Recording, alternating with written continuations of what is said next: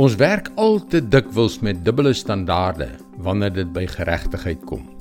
As ons aan die ontvangkant is, is ons standaard hoog. Ons verwag dat ons regverdig behandel sal word. Maar as die rolle omgekeer is, dan is ons standaard weer hopeloos te laag. Hallo, ek is Jockey Gouchee vir Bernie Diamond en welkom weer by Vars. Een van die moeilikste dinge wat ek in 'n leiersposisie moet doen, is om mense af te dank. Ek moes dit gedurende die afgelope 40 jaar, miskien 'n dosyn keer doen. En dit was nog nooit lekker nie. Maar weet jy, as jy die mense nie kan verander nie, moet jy hulle probeer help en soms by hulle aanpas. En tog is die hoofsaak om die betrokke individu regverdig en waardig te behandel.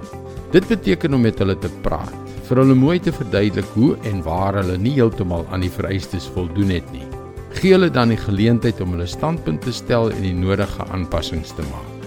Ons het onlangs in die bediening vir 18 maande lank met 'n persoon hierdie proses deurgemaak.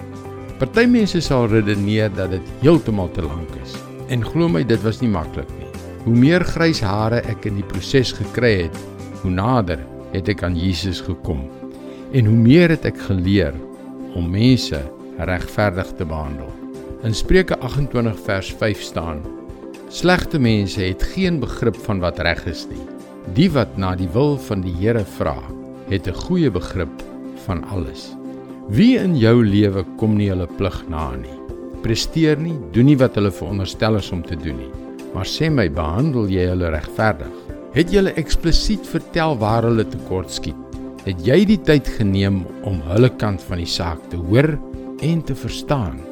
Het jy hulle die tyd die hulp en die geleentheid gegee om hulle lewens te verander. As jy hulle nie gehelp het nie, was dit onregverdig. Enige iets minder as dit is nie geregtigheid nie. Ten minste nie wanneer ons van God se geregtigheid praat nie. Die wat na die wil van die Here vra, het 'n goeie begrip van alles. Dis sy woord vars vir jou vandag. Dis nie altyd maklik om so 'n boodskap te hoor nie.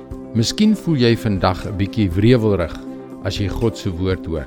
En tog is daar 'n boodskap in sy woord. Die boodskap in hierdie geval is vir ons om regverdig te wees, selfs al is dit nie maklik nie.